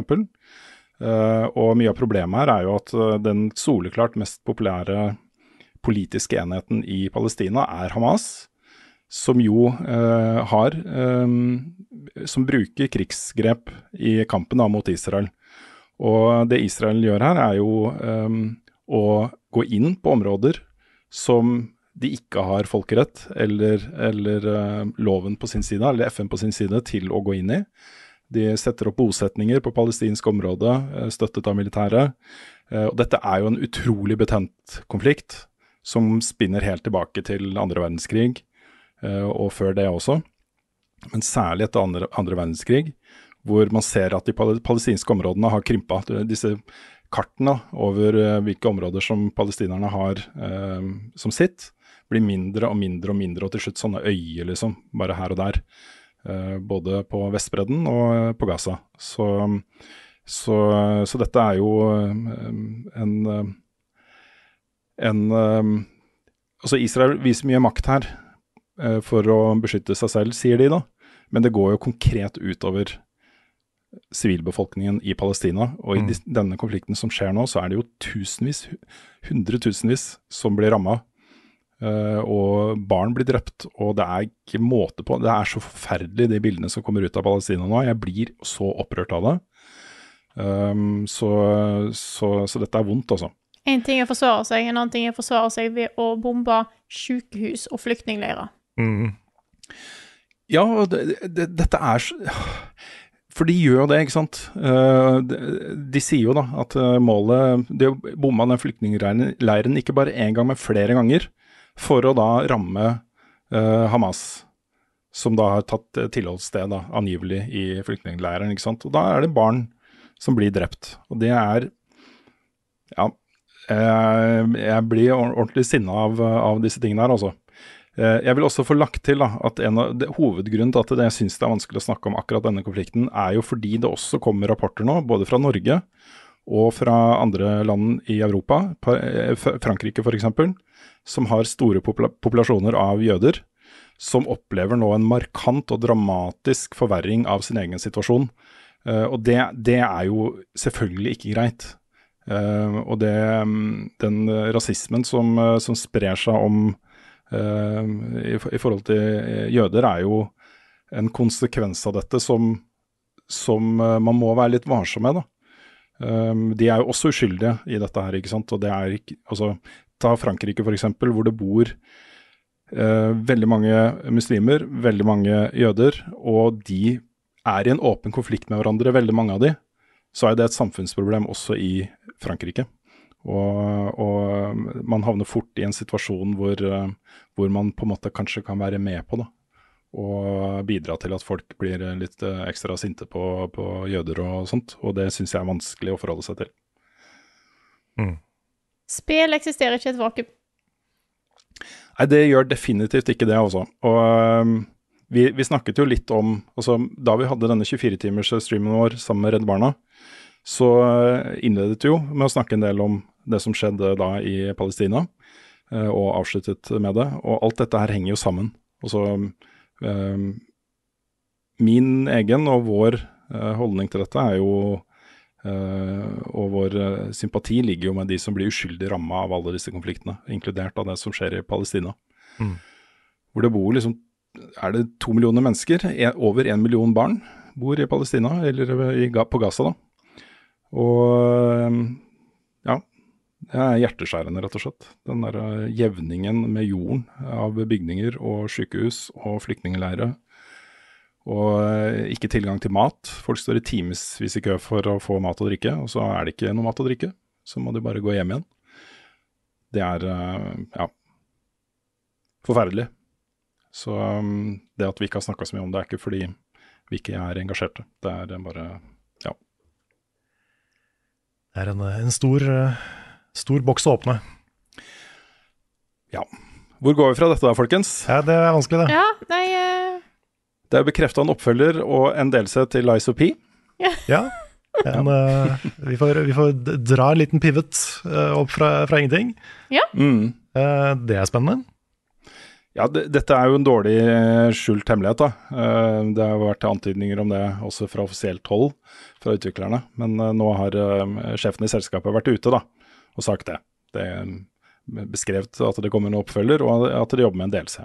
Så, så dette kommer da i kjølvannet av at Lies of P har runda én million solgte spill. Det syns jeg er gøy å se også. Og da er mange. Mm. Det er jo mye spekulasjon om uh, den tingen som blir teasa uh, i Lies of P, uten å gå inn på hva det er. Um, om det kommer til å være delelse eller oppfølgeren. Jeg tipper jo det er oppfølgeren. Jeg tror også det. Det var for stort, liksom. Mm. Egentlig. Så, men jeg er veldig spent på en delelse, altså. Om de um, Hvilken retning de tar det i. Mm. Det, det er jo sånn Jeg, jeg, jeg får noen bilder fra Åh, pokkeren heller. Jeg vet ikke hvor mye jeg kan spoile deg, men det, altså, det er en rollefigur i Lies of P som har en mye større historie enn du tror. Det er sånn prime eh, mat for delelse for meg, da. Mm. For da er vi litt sånn Resident Evil, hvordan du ser liksom de samme hendelsene fra perspektivet til to forskjellige rollefigurer, ikke sant.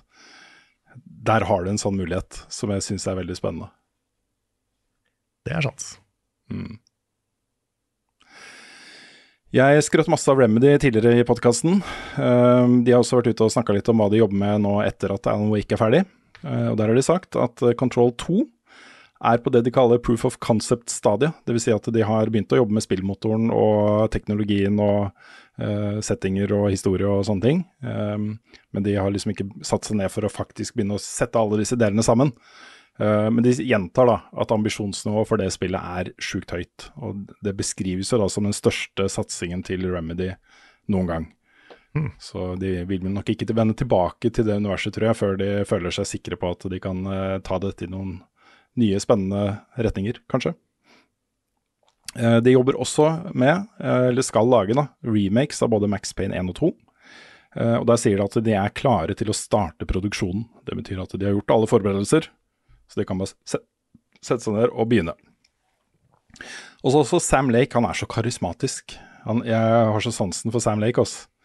Eh, Men han har vært eh, ute i et intervju og sagt at eh, det han, hvis han kunne velge selv, da, det han har aller, aller, aller mest lyst til å lage, er et crazy, huge budget, dark gothic fantasy-spill. Oi. Fra Remedy. Det, er, det har jeg lyst til å se. Ja. Det har jeg også lyst til å se. Og så har Skull and Bones blitt utsatt igjen. Igjen. Ja. Hvor mange igjen er det nå? Fire? Nei, jeg tror jeg flere. Det Ja. er fem, seks, sju eller noe sånt. Ja, det, Det er, veldig, det er veldig spesielt, altså. Ja. nå, nå er det sånn at jeg begynner å bli spent på om det er det eller Star Citizen som kommer ut først. Ja, kanskje det. De sier jo tidlig 2024 nå, da. Så får vi se om det blir sånn. Ja. Mm. Dette er jo et spill som egentlig ble født da, fordi folk syntes det var gøy å kjøre med sjørøverskip i, i um, Assassin's Creed Black Flag. Eh, og tanken var liksom hva om dette var et eget spill da, folkens? Og så har de lagd et eget spill, da, uh, som er det. Mm. Um, og så har de testa det ut, og de hadde jo en, eh, en lukka betatest i august, tror jeg det var. Uh, feedbacken fra den var ikke megagod, tror jeg. Og det er nok grunnen til at de utsetter. At ikke det helt får det til å sitte. Mm. Ja, jeg var en av de som syntes det var gøy å seile rundt i Black Flag. Men jeg ble litt skuffa når jeg hørte at det ikke skulle være noe kontroll av characters. At det skulle bare være bot. Og det, Jeg vet ikke om de har gått bort fra det nå eller ikke, om det fortsatt er en ting. Men, eh, men det tror jeg kanskje er mye av grunnen til at det ikke har fenga like mye. da. Når du har sånn Mm. som eh, Sea of Thieves, hvor du har begge deler. Mm. Og så har det vært eh, nye tildelinger fra NFI. Ja. hvor da nye spill har fått uh, til sammen nesten 10 millioner kroner. Um, nå skal jeg finne den lista. Uh, Hyper har eh, fått eh, penger for et spill som heter Nonogram Stitch. Nonogram Stitch. Det er um, eh, Du skal brodere et gigantisk veggteppe for dronningen av England. Mm. Mm. Uh, Rain uh, jobber med et nytt spill som heter Mechanical Heart, som da sannsynligvis, og i, ganske åpenbart uh, ifølge det ene bildet som blir ledsaget av dette her, foregår i samme univers som Tesla Grand og uh, Mesmer og World to the West, men som er et annet type spill, et fysikkbasert plattform, plattformspill, blir det beskrevet som. Uh, Red Thread Games uh, har jo ett spill på vei som ikke er ute ennå, som heter Dustborn. De har fått støtte for et uh, annet spill som ikke er uh, ute ennå, som vi ikke vet noe mer om, som heter um, Svalbard. Ok. Um, Og så nå har de fått støtte for enda et spill. Jeg vet, Det ser ikke ut som det er det samme som Svalbard, men det heter uh, arbeidstittelen Prosjekt M. Uh, og Det beskrives som et tredjepersons action-rollespill satt til en liten bygd hvor en serie mystiske hendelser ender i en kamp mot okkult, okkulte krefter. Oi, oi, oi. Det er, Da er vi litt tilbake i Longest Journey-land. Ja, Secret World. Det Ja. er liksom jeg, jeg, Ragnar Tørnquist føler seg hjemme her, altså. Han gjør det. Mm. Jeg er spent på om det blir noe, blir noe mer fra det universet. altså. Det Mm. lengst reisende universet. Absolutt. Um, 2,3 millioner fikk de. Um, ja, så er det noen par-tre veldig veldig spennende helt nykommere som har fått uh, støtte her. Uh, det syns jeg er kjempegøy å se. Nye selskaper med nye spill uh, som, som kan være med på å sette Spill-Norge på kartet, de også. Jeg vil bare nevne før vi går videre til, uh, til neste spalte også, at uh, selvfølgelig så støtter jeg heller ikke uh, det som startet og innledet denne konflikten i uh, Israel og Palestina, hvor da Hamas gikk inn i disse israelske bosettingene. Ulovlige bosettingene, men allikevel. Og kidnappet og drepte og var Ja, det var også helt forferdelig, selvfølgelig. Så, um, så bare folk vet det. Jeg, jeg støtter selvfølgelig ikke bruk av den type virkemidler i en, en konflikt, uansett hvilken side det er fra. Så ville, vil bare nevne det. Kan jeg ta en nyhet til? Kan jeg ta en siste? Gjør det, Frida. Gjør Ja. det. gjør det. For nå har det jo kommet en trailer med release date for Bloodborne Cart. Jeg Det det. er sant. Det er helt sant. Jeg vil bare ta opp det, for jeg syns det er så festlig. Jeg har fulgt med utviklingen. at Dette, dette spillet her det er jo et eh, fanspill. Eh, Bloodborne Kart, Mario Kart-style, eh, i sånn PSX-grafikkstil, med Bloodborne-tema. Og det Ja. ser så mye bedre ut enn et sånt spill eh, At en kunne forvente at et sånt spill skulle se ut. Ja, Det kunne, det kunne hett noe annet enn Bloodborne Kart og blitt solgt for penger. Ja. Husker jeg feil nå, starta ikke det spillet der som en aprilsnarr? Jeg tror i hvert fall det er fra de samme folka som lagde Bloodborne D-Maken på PlayStation, eller som så ut som et PlayStation 1-spill. ja dette Ja, for jeg er mener de lagde bare sånn morsom trailer til 1. april. Var sånn uh, Coming soon, Bloodborne ja, Cart. Jeg, tror det var først bare en meme. Jeg tror det, altså. Ja, Eh. Bloodborne Kart har jo vært en meme lenge. Ja. Mm. Men jeg vet, er jo- vet ikke om selve spillet var en meme. Når de Nei, kanskje ikke. det. Men dette er Men jeg tror det ble Ja, som en spøk Ja. først. Det kan godt være. Dette er jo eh, Botster, eh, som, eh, som utvikleren heter. Eh, det er fascinerende å se at dette her har blitt en stor ting. Dette her må vi jo spille. Mm, Ja, ja, ja. of course. Og det kommer jo er 31. januar. selvsagt. Vi må ha en stream. Det må vi. Er det, Jeg lurer på om det er online multiplayer? Mm. Hvis ikke, så må vi samle oss. Ja, Mm. Da skal jeg invitere på Bloodborne-kart-kveld. Ja da. La oss bruke liksom eh, 30 000 kroner på å samle hele Lever Up for å spille Bloodborne-kart. Det hadde vært fint. Det gjør vi. Det, gjør vi. Yes. det var en dyr flybillett.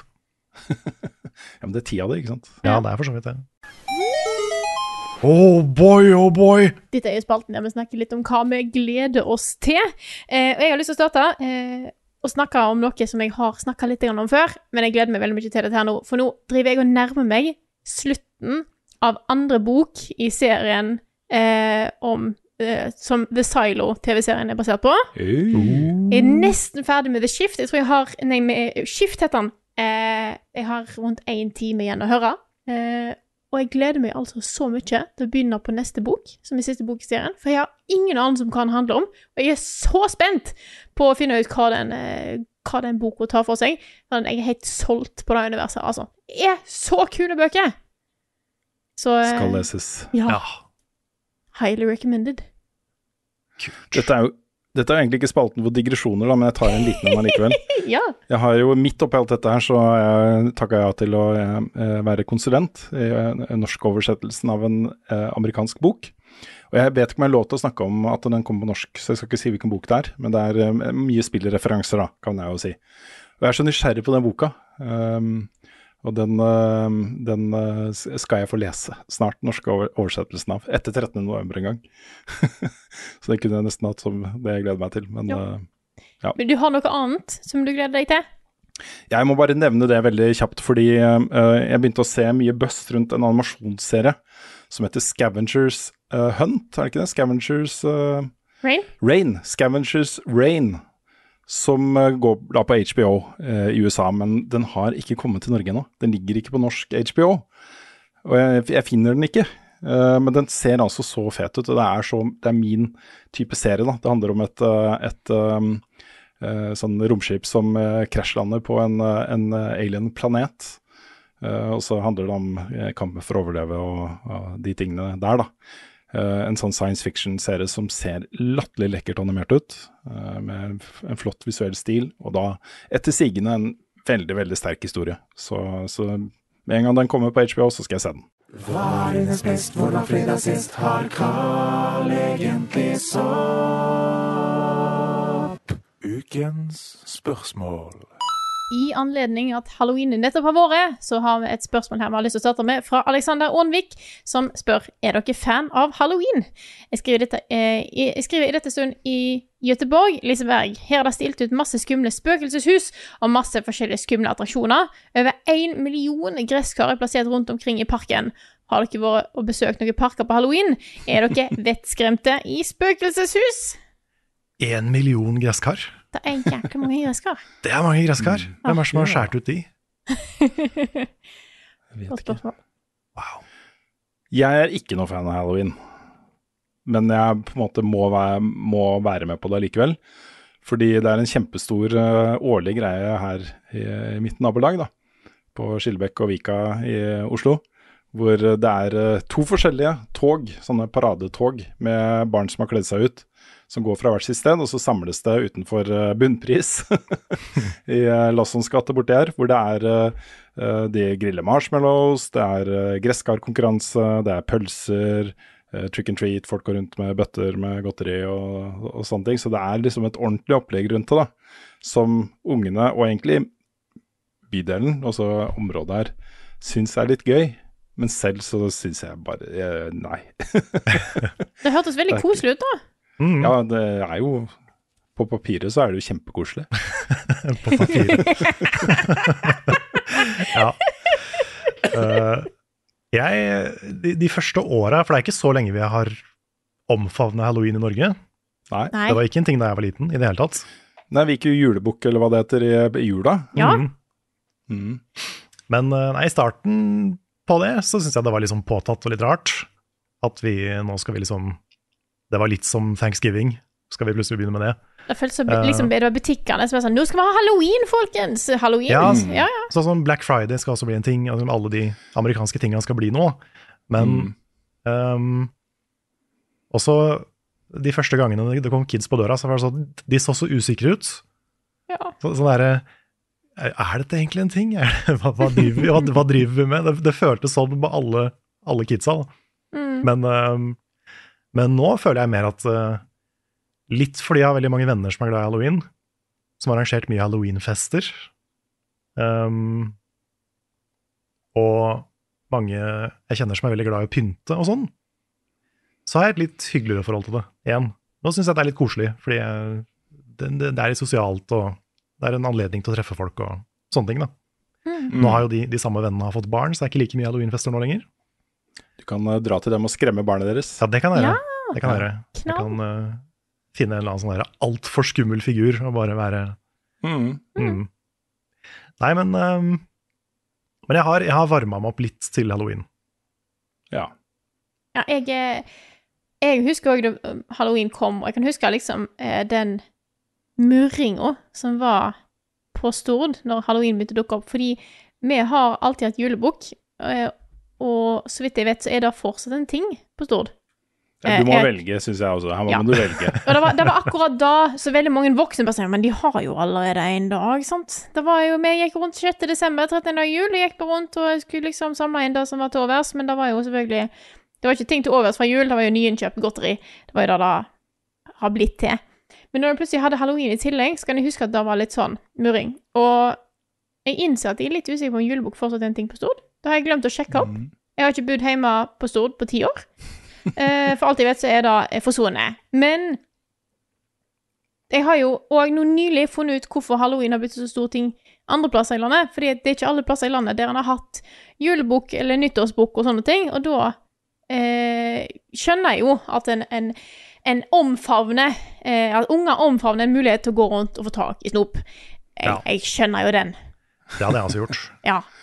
Altså, dette, dette er jo ikke noen veldig sånn eh, eh, smart eh, betraktning. Dette er jo godt kjent, da. Men mange av disse tradisjonene her, som vi på en måte har bare tatt over fra USA, det har jo kommet i stand fordi handelsstanden har ønsket det, ikke sant. Begynt å kjøre kampanjer og prøver seg, ikke sant. Det er Halloween, er det en ting? Ja, klarer vi å selge litt ekstra fordi, ikke sant. Det er halloween og valentines og ja, ja, ja, ja. ja. ja, alt skal Og med. det syns jeg ikke noe særlig om. Nei, enig. Den kommersielle biten av det er litt sånn eh, Ja, og så For meg som aldri har vært ikke så Altså, ikke så Jeg kan like spenningsting, liksom, men skrekkfilmer har aldri helt vært min ting der. Eh, og så er jeg sånn eh, Som regel syns jeg det er gøy med utkledning, men ikke sånn.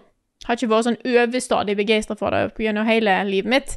Så halloween har aldri vært helt helt min ting. Men jeg syns halloween er, det er en litt sånn festlig ting når du ser på dette med sesonger og sånt i, i butikker. Fordi at de første er det sånn Nå er det jul! Snart jul! Men først, ok, litt grann halloween, og så 1. november Altså, Nå er halloween det er done. Vi skal aldri ha mer halloween på elleve måneder. Nå er det jul. Jul! 100% jul! Det er, det er liksom det der skiftet der som skjer 1. november. Det er fascinerende for meg, seg, altså. Mm. Men jeg, jeg skjønner at barna heller vil gå halloween uh, enn julebukk, for de slipper å synge. Ja, det er sant. Det er slipper å synge. Ja. Eh, og så vet jeg at mange plasser i Norge så har du òg på nyttårsaften, du går nyttårsbukk. Da ah, ja, det- eh, det virker jo litt sånn Jo, jo, det, jeg tror det er i Bergen blant annet som gjør den da. Og det virker jo litt eh, Da syns jeg virker litt stress. Når du har mer sannsynlighet for at det er regn på halloween, Mm, eh, så da er jo litt sånn kjipt. det er sant. Ja. Men jeg tror hadde jeg vært ti år i dag, så hadde jeg mye heller i hvert fall gått halloween enn julebukk. Jeg hadde ikke turt å Mm. synge for, eh, for fremmede folk. Ikke engang en superkjapp wish, wish you Merry Christmas, wish you Merry Christmas, wish you Merry Christmas. Jeg hadde speedrun av det Ja, sånn, ja for det er det jeg kan Altså- huske at en del unger gjorde. oh, ja, ok. Finne den korteste julesangen. Ja, det er effektivt, da. Ja, ja, veldig. Det er smart. Nei, skal vi ta et spørsmål til, eller? Det kan vi Ja, gjøre. kan jeg ta et fra, fra uh, Tom Erik Nessør? Gjerne. Som jeg føler meg truffet av. Som eh, skriver da eh, Jeg blir tobarnspappa innen en uke fra dere leser dette her. Hva gjør jeg nå? Hjelp! Oi, oi, oi, oi. Det var en Oi, oi. dramatisk melding, men gratulerer. Mhm. Ja. Nei, er Jeg må nå jo si da at det er som det er sant, det folk sier. En er sammenligna med eh, å ha eh, to, så er det å ha ett barn veldig lett. Eh, Den erfaringa tror jeg de fleste, eh, fleste får, da. Det er, eh, det er eh, mye mer eh, jobb. Så, jeg har egentlig bare ett råd. Og det er jeg, møter så mye folk rundt omkring når vi er ute og gjør liveting og, og sånt, som er godt voksne og som har barn og sånne ting, og som sier dette her. De sier jeg spilte mye før, men så fikk jeg barn, så da har jeg ikke hatt tid eller overskudd til å gjøre det. Så da er råd nummer én, hvis du er eh, en gamer og har lyst til å ta vare på den interessen og ha litt tid for deg selv, ikke lag kompliserte leggerutiner, folkens. Ikke sitt der og syng for de og fortell masse eventyr. Det kan du gjøre i sofaen liksom, før de legger seg. Men bare gjør ferdig alle liksom, rutinetingene før de er i senga si. Når de legger seg, så skal de sove. Og det er en sånn, Du må være veldig konsekvent på det. det, Skeier du ut én gang, så forventer du å få godnatthistorie hver gang du legger de. Og gir seg ikke før de har mast i to timer, liksom. Eh, Men det er mitt råd nummer én. Lag alle leggerutinene som er sånn kos og hygge og under dyna og sitte og fortelle og sånt. Gjør det i sofaen et annet sted i leiligheten, men når de legger seg, så skal de sove. Jeg til, hvis jeg får barn, kommer jeg til å fucke opp det så fort. ja. ja, for det er jo så koselig, ikke Ja, det er jo koselig. Ja, det er kjempekoselig. jeg, jeg husker det var koselig da jeg var liten òg. Ja, ja, ja. Nei, altså, jeg, man kan gjerne beholde de rutinene, men jeg, jeg, jeg mener bare Det er et velment råd, da. Bare gjør det i sofaen eller i, i senga til de voksne, eller et, et annet sted enn i deres seng. Mm. Eh, fordi eh, hvis man er konsekvent på det, så tar det ikke så lang tid før. Sånn som begge mine barn, de la seg sånn i seks-sju-tiden da de var helt små, da. Og sov hele natta. Og da, da har man plutselig da, en to, tre, fire, fem, seks timer etterpå. hvor man kan gjøre sine egne ting, ikke sant. Mm. Det har vært viktig for meg personlig å ha den egentiden, selv om eh, dagen har vært kaos. Men han, har jo, han får jo to barn, så han kan jo trene opp det ene barnet og ta vare på det andre barnet. Det andre barnet er jo enten en tvilling, da, det står jo ikke noe om, eller eh, en av han, eh, som er ganske lite barn i utgangspunktet. Ja, ja, ja men det det ordner seg. Statistisk sett så er jo barnet kanskje bare to eller tre år gammel. Ja. Det er jo gammel nok til å ta litt ansvar. Ja, ja, ja. Skal jeg ta eh, neste spørsmål her? Kjør på. Mm. Jeg tror, Denne uka her så tror jeg vi får tre spørsmål som handler om litt av samme tema. Jeg kunne tatt eh, hva som helst av de, eh, men jeg, eh, jeg Jeg starter med Eller jeg tar det som er fra Silacoid, som spør Hei, dere har selvfølgelig ikke tid til å spille alle spill. Sikkert mange uh, småbarnsforeldre som kjenner seg igjen i dette her òg, når vi først er inne på det. Hva Godt etablerte spillanmeldere også. Mm, ja, mm. Ja. Hva spill i år er det mest irriterende at dere ikke har fått spilt? Jeg er fortsatt ikke ferdig med Baller Skates. Fordi Nico Svens og jeg bruker mye tid, eller bruker uh, lang tid på å spille gjennom det. Og Jeg, jeg skal ikke nevne navn, det er en av de to du nevnte der som er ganske irritert over at jeg ikke er ferdig med Boulder Skate 3. ja, I know. jeg tror, eh, jeg tror den, den personen må snart få lov å spille Ja, Mm. solo. Um, ellers så Starfield har jeg ikke fått spilt. Det er nok det største.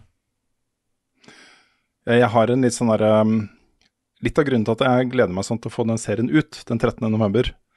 Så vi har mere, Det er mer ting som skjer, selvfølgelig, det kommer andre ting som skal anmeldes. og det vi skal runde av. Det er mye vi skal gjøre, da. Men uh, det, den der altoppslukende tidspresset liksom, som fyller hele døgnet vårt, uh, går litt over.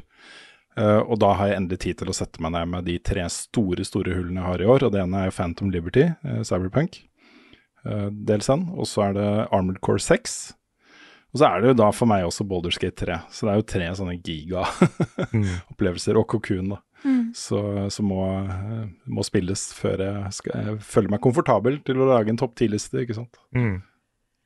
Akkurat nå så har jeg Jeg har ikke noe sånn et spill som er sånn Dette har jeg ikke fått spilt ennå. Eh, jeg har lyst til å få testa Lies of P, men det er liksom har tida til det. Eh, men det som jeg syns er litt Det er en litt rar setting å være i akkurat nå for meg, fordi jeg har veldig mange spill jeg har begynt på, men ikke fullført. Eh, Dave the Diver, Cocoon, Super Mario Bros. Wonder, eh, eh, Planet of Lana. Eh, og alle disse spillene jeg har lyst til å få fullført, eh, så da blir jeg nok å ta etter jeg er ferdig med City Skylines, vil jeg tippe. Da kommer jo Super Mario RPG også, det er jo det, det, Det det, det. it, it never ends. Men jeg tror de spillene er da jeg kommer til å fokusere på å få fullført før jeg fikser lista mi i år. Mm. Mm. Det er ikke plass til Baldur's Gate 3. Da, da kommer jeg ikke opp. Nei, av disse, da, så den jeg er minst sikker på uh, vil havne på en topp 10-liste, det er Bollerskate Gate 3. Men det er litt fordi um, disse store, store, komplekse, fullstendig åpne rollespillene har aldri appellert ordentlig til meg. Uh, og det er nok mye fordi jeg bare ikke har brukt da, de 50 timene det tar å bli glad i de, liksom.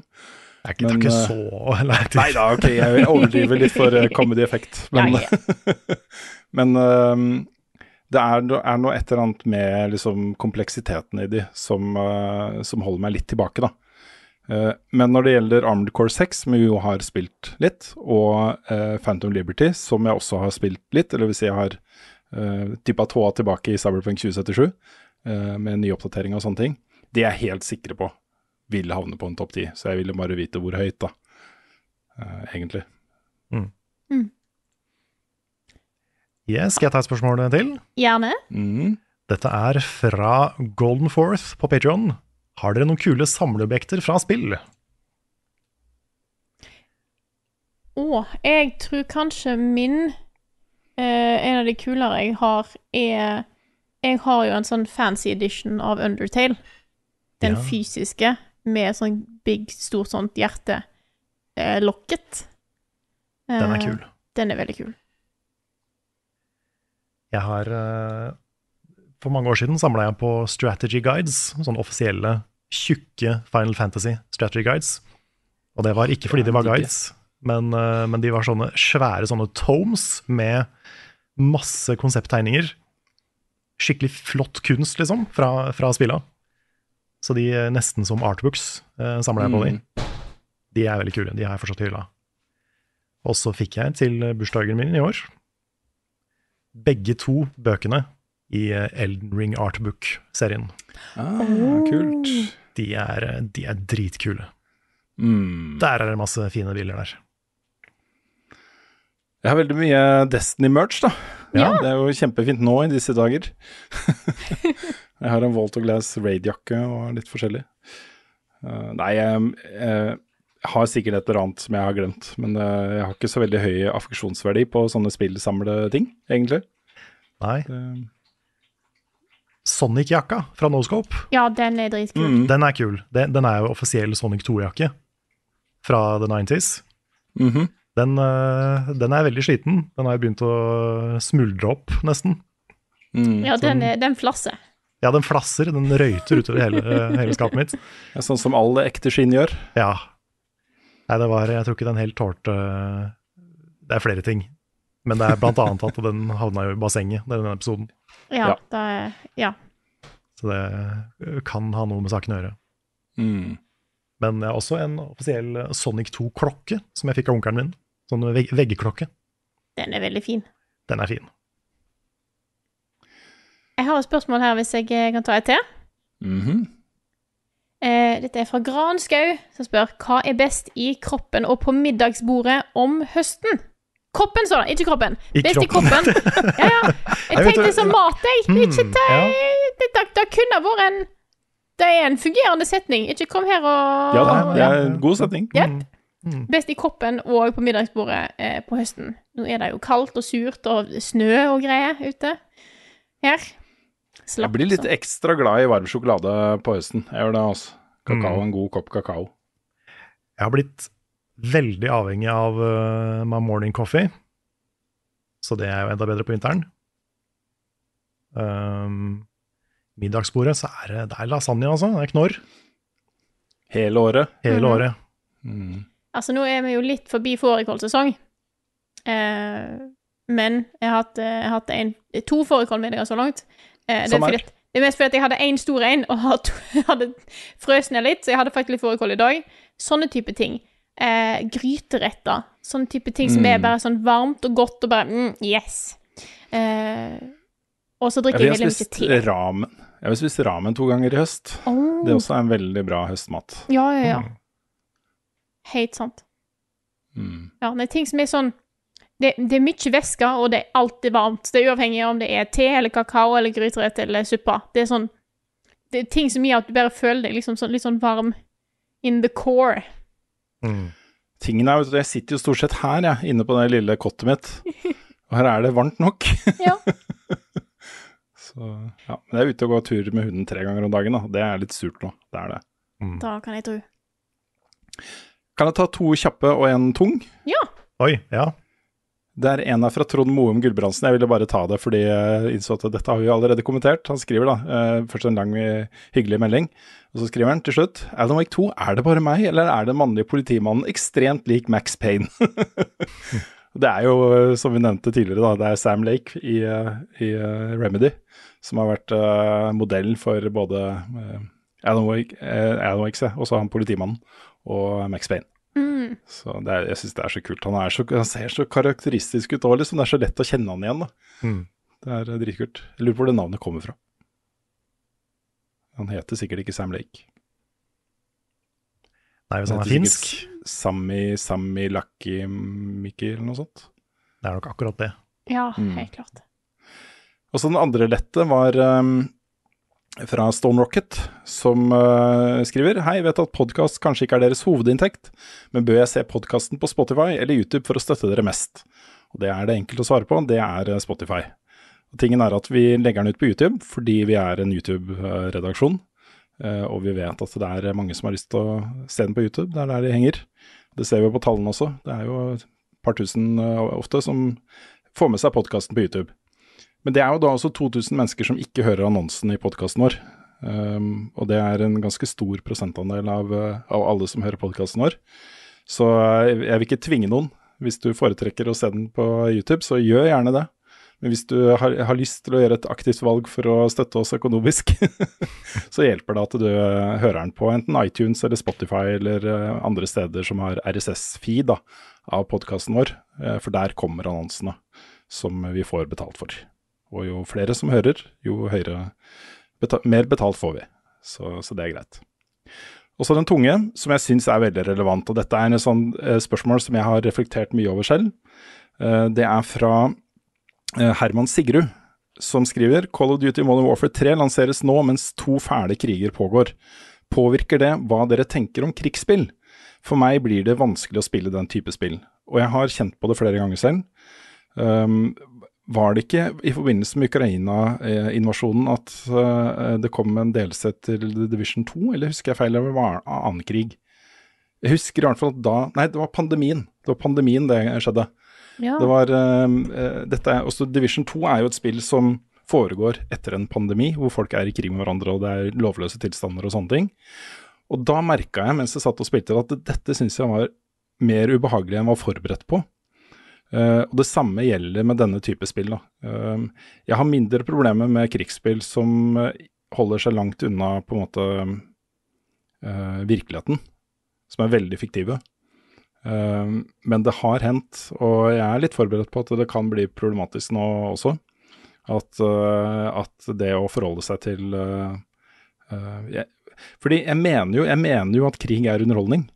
Og så rent prinsipielt Eh, barn har alltid lekt krig. Det har alltid vært på en måte et sentralt element i, i, i, eh, i lek. Eh, at man, eh, man leker cowboy-indianere, eller man leker eh, krig og pang, du er død, liksom. Det er Jeg, jeg, jeg har ikke noe problem med det, eh, fordi det er Altså, ingen som drar den linken, da, at dette er virkeligheten. Um, konflikt, liksom, som et spillgrep, uh, har jeg ikke noe mot. Men man styrer ikke de følelsene. Og sånn som nå hvor jeg går rundt og jeg er Jeg, synes, jeg leser jo liksom Aftenposten hver morgen og starter dagen med skikkelig nedtur. Jeg, jeg syns det er forferdelig, liksom. Jeg plages veldig, da, personlig, av disse tingene. Og tenker mye på det, og eh, det setter seg i kroppen, liksom. Så kan det godt tenkes at det påvirker min opplevelse av Modern Warfare 3. Det vet jeg ikke ennå. Jeg har ikke noe prinsipielt imot å spille det. Jeg skal spille det, jeg skal sette meg ned med det. Uh, men jeg vet ikke hva jeg kommer til å føle mens jeg spiller det. Det er jeg spent på sjøl. Dette syns jeg er en fin ting for folk å reflektere over uansett. Da. Jeg syns dette er eh, et godt eksempel på at uh, spill ikke eksisterer i et vakuum. At verden rundt kan påvirke hvordan man opplever også spill. Absolutt. Skal vi la det være siste spørsmål, eller? Det kan vi gjøre. Vi kan godt det. Da gjør vi det. Dette her er podkasten Level Backup, utgitt av moderne medier. Nå er jeg på rett plass, vet du. Nice. Nå avslutter jeg med slutten òg, vet du. Hvis du hadde, hvis du hadde avslutta med starten, det hadde vært veldig Ja, bra. jeg lurte litt på det, men det var litt Ja. eh, Jeg tror det bare hadde blitt kaos. Mm. Eh, Bare for forvirra, forvirra nok i starten, så nå eh, har jeg orden på, på slutten her. Eh, låten i introen og outroen av podkasten er skrevet av Ole Sønnik Larsen og arrangert og framført av Kyoshu Orkestra. Og vignettene er lagd av fantastiske Martin Herfjord. Innholdet vårt da finner du på youtube.com slash levelupnord og twitch.tv slash levelupnord. Så følg med der. Der kommer det anmeldelser og streams og alt mulig rart. Så uh, like and subscribe and the, the things, you know. Yes. Yes. Hopp gjerne inn på discorden vår på discord.gg slash levelupnorge og ta del i samtalene som skjer der. Veldig mye hyggelige ting som skjer, og veldig mye spennende og gode diskusjoner. Så eh, hopp gjerne inn, innom der. Og vil du ha merch, så er det bare til å gå på levelupnorge.myspreadshop.no. Og liker du det vi gjør, så gå på patreon.com slash levelupnorge og støtt oss der, så vi kan fortsette å lage podkaster sånn som denne her, til alle dere flotte, oppegående lyttere. Mm. Yes. Så oppegående, alle sammen. Tusen takk til alle dere som støtter oss. Uten dere hadde vi ikke vært her. Så eh, jeg vet, altså det er liksom Jeg sier dette her hver uke, og det, er, og det betyr like mye every time. Så tusen takk, altså. Tusen takk. Og med det så sier vi tusen takk for denne uka her, og så snakkes vi igjen neste uke.